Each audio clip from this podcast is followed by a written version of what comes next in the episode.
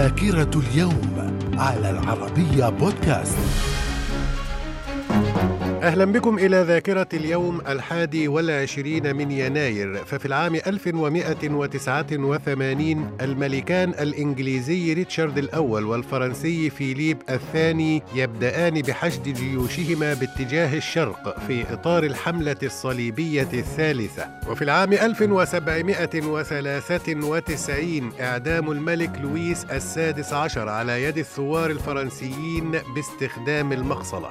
العام 1917 زلزال في إندونيسيا يؤدي إلى وفاة ما يقارب الخمسة عشر ألف شخص. من الذاكرة. ومن ذاكرة اليوم الحادي والعشرين من يناير في العام 1954 انطلاق الغواصة الأمريكية نوتيلوس وهي أول غواصة في التاريخ تبدأ بالعمل.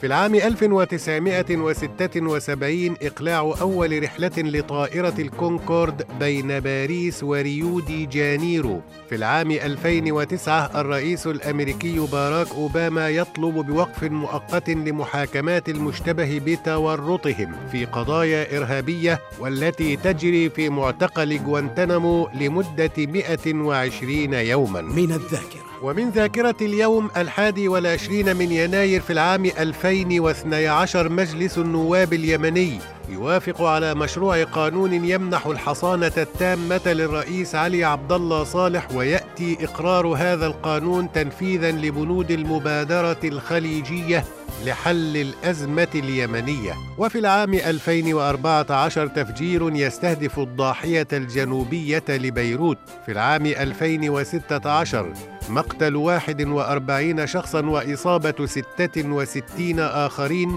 جراء حادث انحراف قطار عن مساره في الهند. من الذاكرة. ومن مواليد اليوم الحادي والعشرين من يناير في العام 1813 جون فريمونت عسكري ومستكشف أمريكي. في العام 1869 غريغوري راسبوتين راهب روسي. وفي العام 1905 كريستيان ديور مصمم أزياء فرنسي. من الذاكرة. ومن وفيات اليوم الحادي والعشرين من يناير في العام 1924 فلاديمير لينين أول رئيس للاتحاد السوفيتي. في العام 1950 جورج أورويل كاتب بريطاني صاحب روايتي حديقة الحيوان و1984 وفي العام 1969 توفيت الممثلة المصرية ماري منيب. وفي العام 2006 توفي إبراهيم روجوفا رئيس كوسوفو. من الذاكرة. إلى اللقاء.